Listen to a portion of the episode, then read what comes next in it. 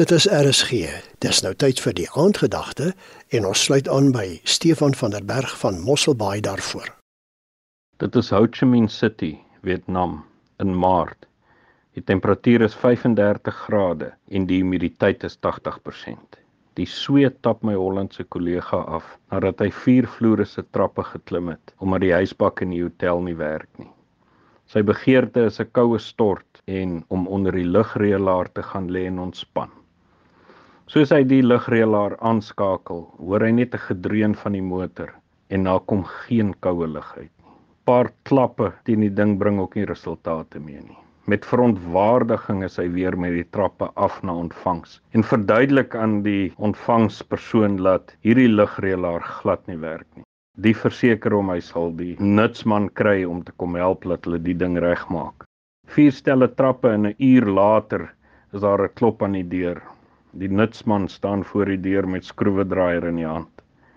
Hy het ingestap en so na die lugversorger gekyk en gesê: "Meneer, die ding werk, maar hy funksioneer nie." Dis 'n baie belangrike geestelike beginsel vir jou en vir my.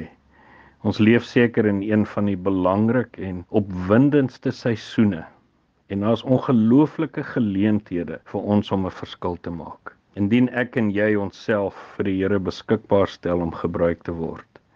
Maar gebruik te word net soos en waar hy wil. En baie keer sonder dat ek en jy ooit vrug sal sien op ons werk.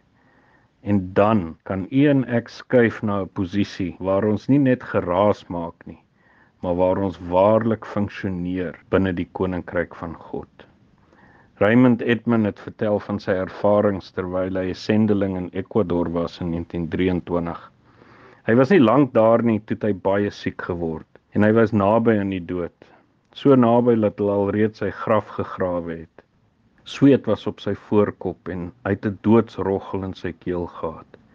Toe sit hy skielik op in sy bed en sê vir sy vrou: "Bring my klere." Niemand het geweet wat het gebeur nie.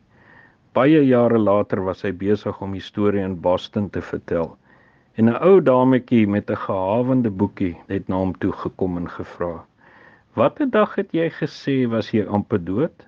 Hoe laat was dit in Ecuador? Hoe laat sou dit dan in Boston gewees het?" Haar verrimpelde gesig het verlig toe sy die antwoord in haar boekie kry en sê: "Daar's dit. sien jy?" Op daardie presiese tyd het God vir my gesê om op te staan en nou vir jou te bid, want jy's baie siek en jy het gebed nodig. Jy het geluister na die aandgedagte hier op RSG, aangebied deur Stefan van der Berg van Mosselbaai.